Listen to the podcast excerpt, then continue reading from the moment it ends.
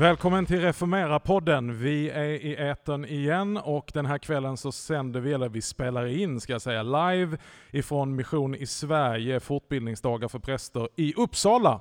Johan, bara några meter ifrån där du brukar sova. Ja, och då ja. tänker jag inte på kyrkbänken utan din säng. Nej, jag har förmånen att bo 20 meter härifrån, snett uppåt. Och då förstår jag att då är du först på plats till mässan varje gång? Ja, det, man, jag brukar vakna av kyrkklockorna på söndag faktiskt. Man ska det är svårt att undvika dem. Du Johan, idag har vi en gäst med oss som vanligt. Ingen mindre än Erik Eckerdal. Välkommen Erik till Reformera-podden. Tack så mycket Magnus.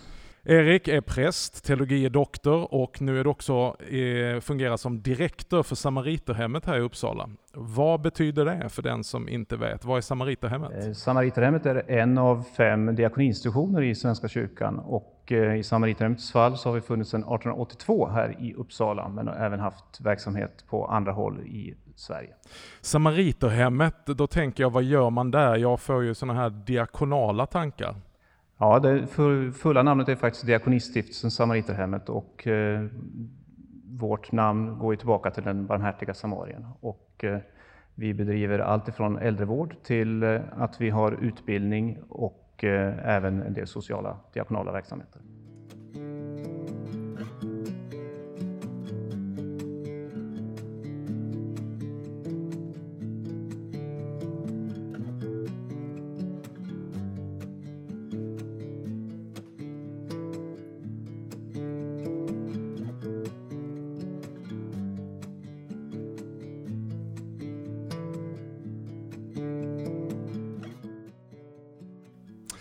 Erik, eh, vi, ett av de återkommande temana i den här podden är ju helkyrklighet.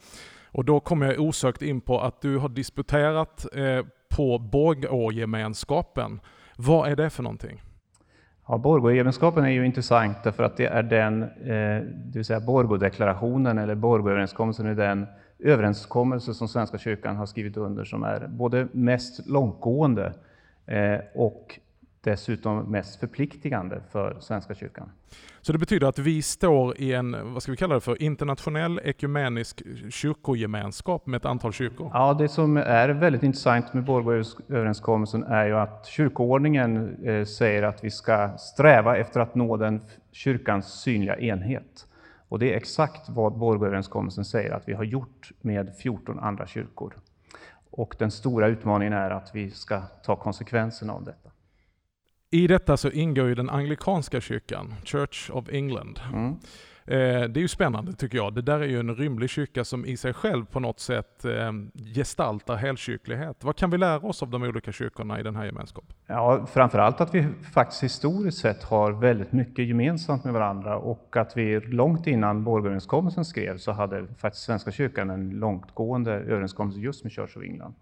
Men sedan så har vi också att lära av varandra att vi inte är så ensidiga som i en nationalkyrka, utan att vi kan lära både vad gäller fromhet och eh, kyrkoordning och eh, även lära från varandra. Och det innebär också vigningsgemenskap, om jag har förstått det rätt? Ja, korrekt. Mm. Att man kan tjänstgöra i varandras kyrkor utan... Och, och det innebär också att eh, vi viger varandras biskopar, vilket ju är både det synliga uttrycket och innebär att vi fogas samman som en kyrklig kropp tillsammans. Sen skiljer vi oss åt hur kyrkan styrs. Vi ska komma in på det, men jag tänker att jag är lite nyfiken på att för i borgerskap ryms ju många olika då, lutherska kyrkor och anglikanska. Men strukturen ser lite olika ut. Eh, ja och nej skulle man kunna säga. Det, samtliga dessa kyrkor är historiska episkopala kyrkor.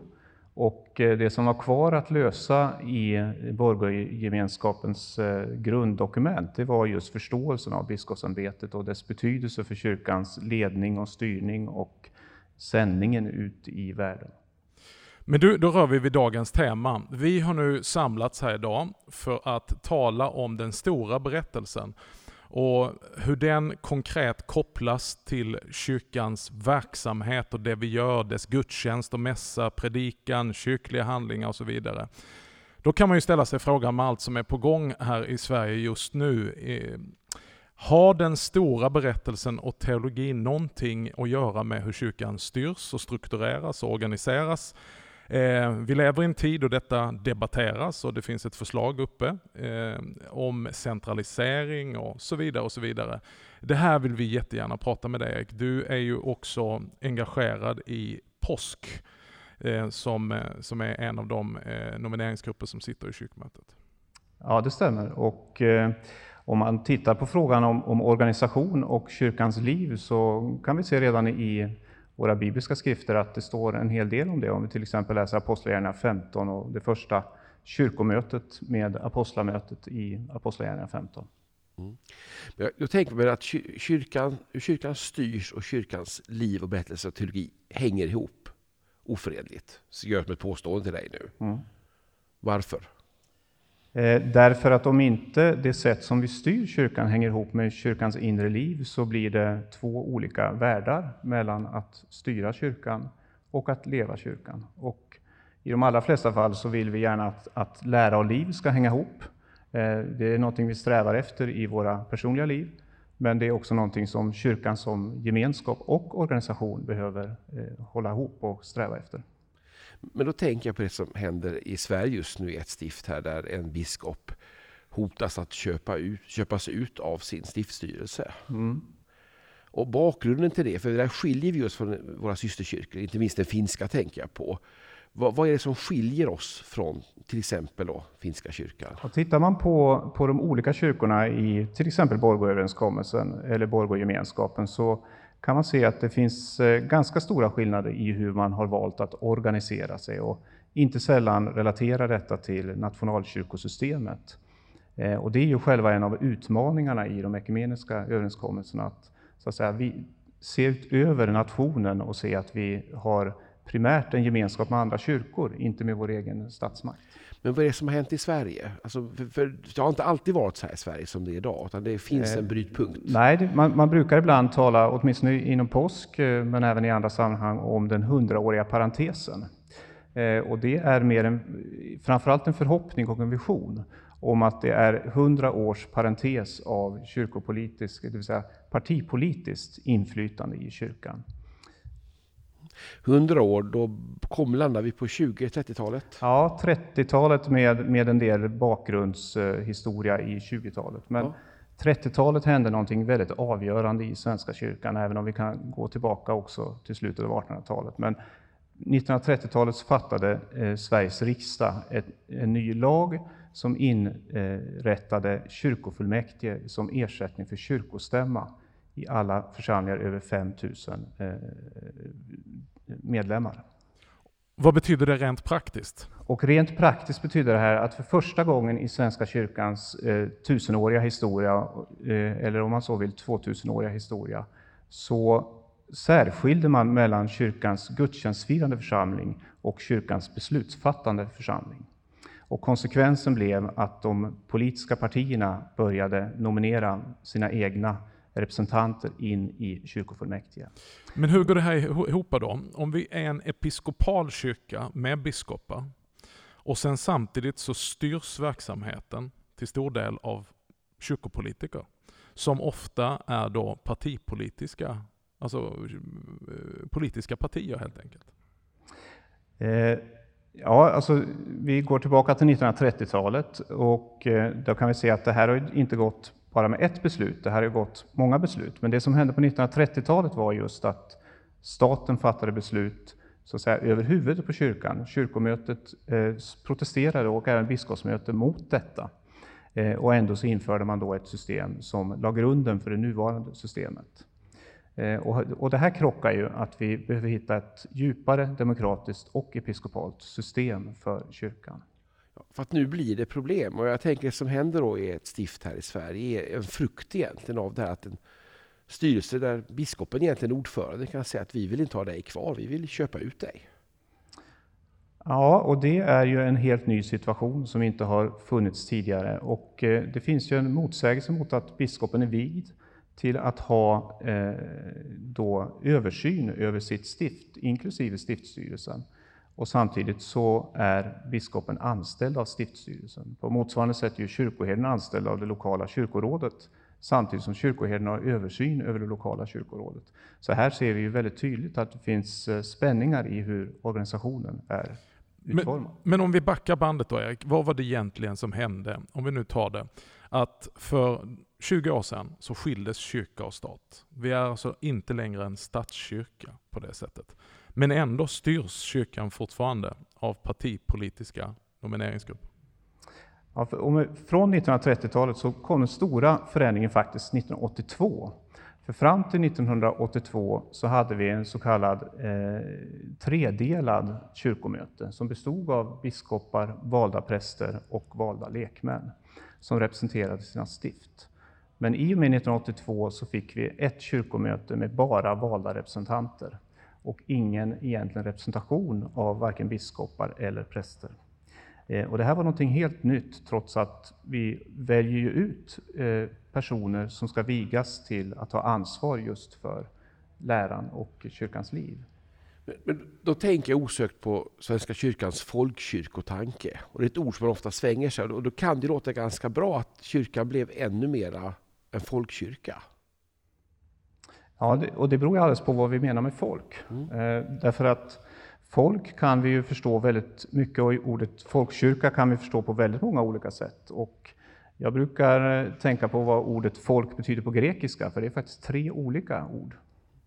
Jag får gärna utveckla lite grann, för det är spännande. Ja, och det säger faktiskt en hel del om eh, just ordet folkkyrka och hur det har kommit att användas. Eh, på grekiska har vi tre ord. Vi har demos, som betyder alltså samma ord som i demokrati, folkstyre, men det är alltså det folk, eller de folk som finns inom ett visst geografiskt område, som till exempel nationer. Sen har vi också, också ethnos, som ligger samma ord som i etnicitet. Det vill säga det kan finnas ett eller flera etniska folkslag inom ramen för ett demos, eller nationen. Men sen har vi också ett avgörande ord för kyrkan och det är laos, eh, som betyder Guds folk. Så när vi talar om folkkyrka så kan vi faktiskt relatera både till laos och demos och ethnos. Men kyrkan måste alltid vara laos, även om vi sända ut till nation och olika etniciteter. Och blandar vi ihop de här betydelserna, då, då händer det någonting också i förståelsen av folkkyrkan eller kyrkan. Om man då knyter an till det vi har pratat om här idag, om den stora berättelsen, det vill säga kyrkans kärnverksamhet, vårt budskap, teologi. Är det då så att det inte har någonting att göra med kyrkans struktur, organisation, hur den styrs och hur den byggs upp? Ska man skilja detta åt? Och när man har gjort det, hur mycket är det egentligen det som har skapat de här problemen? Vad, är din analys, Erik?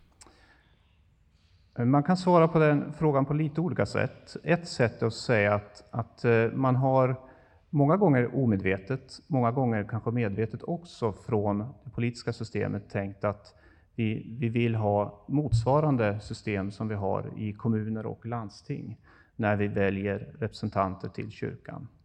Men detta krockar samtidigt med den grundförståelse kyrkan har. Om vi, om vi läser inledningen till kyrkoordningen så säger kyrkoordningen faktiskt att, att kyrkorätten, det vill säga det som också reglerar kyrkans liv i församlingar, men också organisationen, den ska bygga på evangeliet och teologin. Mm.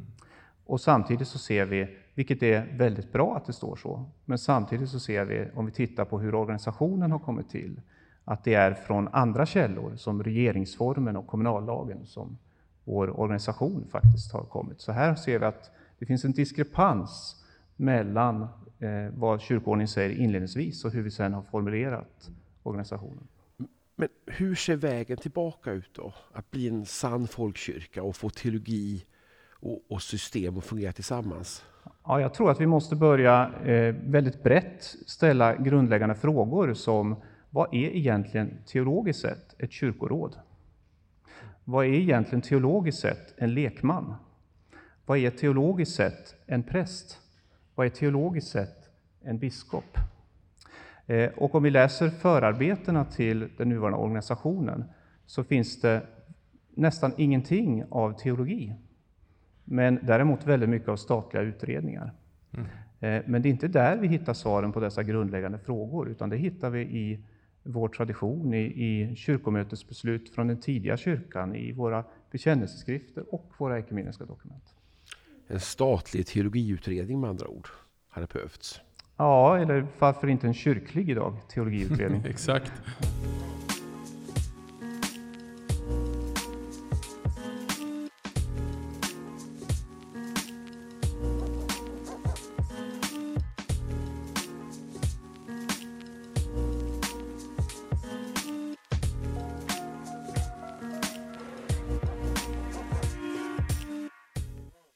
Men eh, Erik, eh, vi är ju verksamma då i EFS, en inomkyrklig väckelse och missionsrörelse. Vi brukar spana tillbaka till den gamla kyrkan. Den gamla stora katedralen som också rymmer inom sig inte bara ett högaltare centralt, utan sidoaltaren och sidokapell där andra frumhetstraditioner kan odlas och bejakas och också berika gudstjänstlivet. Att det är inte bara gudstjänster kring högaltaret utan här har man då odlat ordensväsende och eh, därigenom lyckats hålla ihop eh, den eh, romersk-katolska kyrkan på något sätt under ett valv. Är det en möjlighet för det? Vi är ju på ett sätt som en av de få bejakade ordnarna, om man använder det uttrycket, inom Svenska kyrkan. Hur skulle vi kunna skapa mer av den kyrkosynen? Jag tror det eh, kommer bli allt mer viktigt. Både med, jag själv representerar ju en, en sådan rörelse skulle jag vilja säga, även om, om det är en stiftelse. Evangeliska Fosterlandsstiftelsen har ju också namnet att vara en stiftelse. Mm. Men diakonirörelsen är en annan sån rörelse. Och eh, det finns många andra eh, rörelser inom Svenska kyrkan också. Och om man tänker på kapellen, för att använda den, den bilden, så det som händer med det är ju att musiken och bönerna faktiskt strömmar ut och blandas med de andra traditionerna. Och det är egentligen det som bidrar till att skapa en dynam dynamik i kyrkan som helhet. Spännande tanke. Men, tänker vi, vi tänker ibland bilden också när då det politiska tar över, så tänker vi oss ibland som ett tält i katedralen. Att ibland finns det ett behov att, att sluta där samman för att det, den här, det här vi pratar om blir för långt från evangelium. Och då kan vi resa ett tält i, katedral för att bevara det andliga livet oavsett det som händer runt omkring. Och jag tänker, är vi i ett sådant läge då att vi måste börja skydda det andliga livet? Jag, jag, tror att det finns en väldig risk om vi ser att eh, det kyrkans yttre struktur inte har med kyrkans inre liv att göra. Mm. Utan snarare skulle jag vilja se att EFS och andra rörelser börjar allt tydligare eh, också predika och undervisa att att kyrkans yttre struktur måste stå i samklang med kyrkans inre liv. Eh, också kyrkans beslutsfattande organ eh, bör vara samma organ, det vill säga som när vi firar gudstjänst och ber tillsammans. Vi ska inte längre ha åtskillnad mellan beslutsfattande och gudstjänstfirande församling. Hur ser vägen ut dit då, Erik? Vad, vad är dina konkreta råd? Vad kan vi göra för att eh, föra in detta mer i den riktningen? Ja, nu talar jag i och för sig för en, då en kyrkopolitisk grupp kan man ju säga. Men, men det du gör... talar som kyrkopolitiker här nu. Ja, det är ju i och för sig ett ord jag tycker ganska illa om. Men, men eh, om jag nu ska göra det så får jag väl säga att, att, eh, att vi faktiskt värderar vad de olika nomineringsgrupperna säger angående de här grundläggande frågorna. Det är otroligt viktigt att vi eh, kan både reformera och förenkla kyrkans organisation. Och eh, det finns alla möjligheter att göra detta. Eh, och det skulle skapa en mer vital kyrka, en enklare struktur som kostar mindre pengar och också en större effektivitet. Och, det är någonting att drömma om att vi istället för att ägna oss åt eh, yttre beslutsfattande organ kanske ska ägna oss åt mission eller diakoni istället. Men du, om ett år framåt så har vi precis haft kyrkoval. Det tenderar att vara så att de som brinner och engagerar sig väldigt mycket för kyrkans inre liv, gudstjänst och mission och diakoni, de tenderar, säger nu, nu generaliserar jag, att tycka att det här med kyrkoval och den här styrningen, det, det är inget man, man bryr sig om. Vi har otroligt låga siffror om vi tänker på antal medlemmar vad är ditt budskap? Vad, vad, behöver vi göra? Förutom att rösta på påsk som jag antar, antar att du kommer till Ja, det, det, tycker jag att man ska. Men det finns även andra grupper som, som driver vad det gäller de, de grundläggande frågorna samma sak som påsk. Men eh, det är oerhört viktigt att vi berättar för våra arbetskamrater, för eh, familj och vänner och eh, andra att vikten av att faktiskt gå och rösta och att inte bara rösta på och att se att kyrkovalet är någonting annat än det partipolitiskt sekulära eh, riksdagsvalet. Och vad är argumenten? Eh, vad skulle du vilja säga är argumenten att lyfta fram de här andra inomkyrkliga nomineringsgrupperna? Vad är skillnaden? Den stora skillnaden är ju att, att de, de partipolitiska grupperna vill behålla det system vi har idag. Mm. Som ju alltså inte är teologiskt grundat, medan de andra grupperna vill förändra detta system. Där, där, skulle jag säga att den stora skiljelinjen går. Mm. Inte mellan olika partier, utan just denna fråga. Och, och, och, det jag hör dig säga, och jag ska dra en slutsats, att då borde kanske FS bli mer politiskt? Ja, fast i dess andliga mening skulle jag säga. Att undervisa om detta, kopplingen till... Många gånger har man ju tänkt att kyrkorätt har ingenting med spiritualitet och teologi att göra. Men just eftersom det är kyrkorätten som styr så mycket så måste den vara ett utflöde från teologi och spiritualitet. Den är för viktig för att lämna oberörd. Och, då, och kanske också vi då skulle våga uppmana medlemmar och aktiva att faktiskt tänka till en extra gång när man går till valurnorna här om ett år och inte bara slentrianrösta på ett parti utan tänka extra noga på de nomineringsgrupper som står på utanför det här systemet och vill se en förändring. Ja. För, för vill man förändra kyrkan så är det viktigt att rösta på de grupper som faktiskt vill förändra kyrkan och göra den mer eh, ge den en enklare struktur än vad vi har idag. När vi förpratade lite Erik så sa du något spännande om en, an, en av anden given struktur för kyrkan. Ja, eh, alltså vad är kyrkan egentligen för någon slags gemenskap? Och det skulle man kunna beskriva som att kyrkan är en av anden strukturerad gemenskap. Det är inte som en gälleklump som kan vara precis vad som helst, utan det är faktiskt en av anden given struktur. Eh, och hur ser den strukturen ut? Det är ju allt ifrån att vi har sakrament, vi har trosbekännelserna, vi har Nya Testamentet och Gamla Testamentet, vi har bönerna, Fader vår, vi har ämbetet och vi har andra gåvor som den heliga Ande ger i kyrkan som gemenskap. Eh, vi kan läsa till exempel Korintierbrevets tolfte kapitel för att se ett exempel på detta. Eh, och detta strukturerar kyrkan så att det innebär faktiskt att kyrkan kan ha lite olika typer av organisation, men inte hur som helst, utan den måste relatera till detta av anden givna struktur.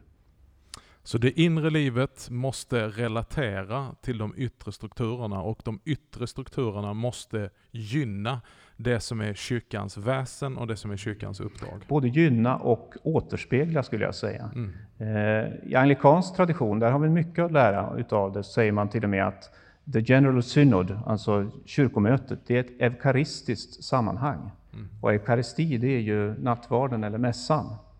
Eh, och då måste faktiskt strukturen i kyrkomötet återspegla mässans sammanhang också. Det här är väldigt intressant Johan. Här har vi mycket arbete mm. att utföra. Mm. Det, här, det här ger mycket mer smak måste jag säga och eftertanke. Och jag tänker att vi måste i våra sammanhang lyfta det här med kyrkovalet. Det är någonting som går obemärkt förbi alldeles för många. Och sen klagar man efteråt. Man borde inte ha rätt att klaga om man inte har gått och röstat. Och frågan är hur många av oss som verkligen går och röstar den aktuella söndagen. Mm. Och tar vi med oss alla vi kan. Just det. Vi behöver helt enkelt mobilisera för kyrkans bästa och eh, brinnande kristna som brinner för Jesus, för att fira en fullödig gudstjänst och för att se missionsuppdraget uppfyllt måste inse att det här påverkar, att vi måste skapa rätt förutsättningar för att den stora berättelsen ska kunna genljuda i allting vi gör. Och den stora berättelsen finns inte minst återgiven i de ekumeniska dokument som Svenska kyrkan har skrivit under. Och där finns oerhört mycket att hämta just för en kyrklig reform, också av vår organisation. Men också i kyrkosynen, hur kyrkan är sänd ut i världen som en församling och som ett, eh, en av anden given gemenskap, eller strukturerad gemenskap. Ja, låt oss inte bli för andliga för politiken, utan låt oss be och hoppas på en varaktig förändring här. Helt i linje med Reformera-podden. Vi säger som vi brukar, reformera mera. Amen. Det här var ytterligare ett avsnitt. Man har kul när man... Eh, när, tiden går fort ska jag säga, när man har roligt. Hade du roligt idag Johan? Ja, det här var mycket spännande. Och det går mycket, här ger mig uppslag till en massa tankar som nästan lite farliga ibland. tänker jag. Ja, men jag tycker det blir spännande när du säger så. När du får något sånt här lömst i blicken och tänker att nu, Du Erik Ekedal, vi säger ett stort tack att du ville vara med och bidra med dina kloka tankar. Välkommen tillbaka! Stort tack och tack för välkommen tillbaka. Och all välsignelse i tjänsten på Samariterhemmet. Tack för det. Vi säger tack till dig som har lyssnat på ytterligare ett avsnitt på Reformera-podden och vi är tillbaka naturligtvis nästa fredag med fler intervjuer som vi gör on the road på den här turnén med Mission i Sverige. Ikväll har vi varit i Uppsala och sen är vi i Piteå och så avslutar vi i Växjö. Tills dess, följ oss på sociala medier, re kolon formera och vi finns också på hemsidan reformera.net. Tills dess, Guds rika välsignelse och Johan, vi ser fram emot att höra om dina lömska planer. Återkommer i budbäraren eller podden. Tack.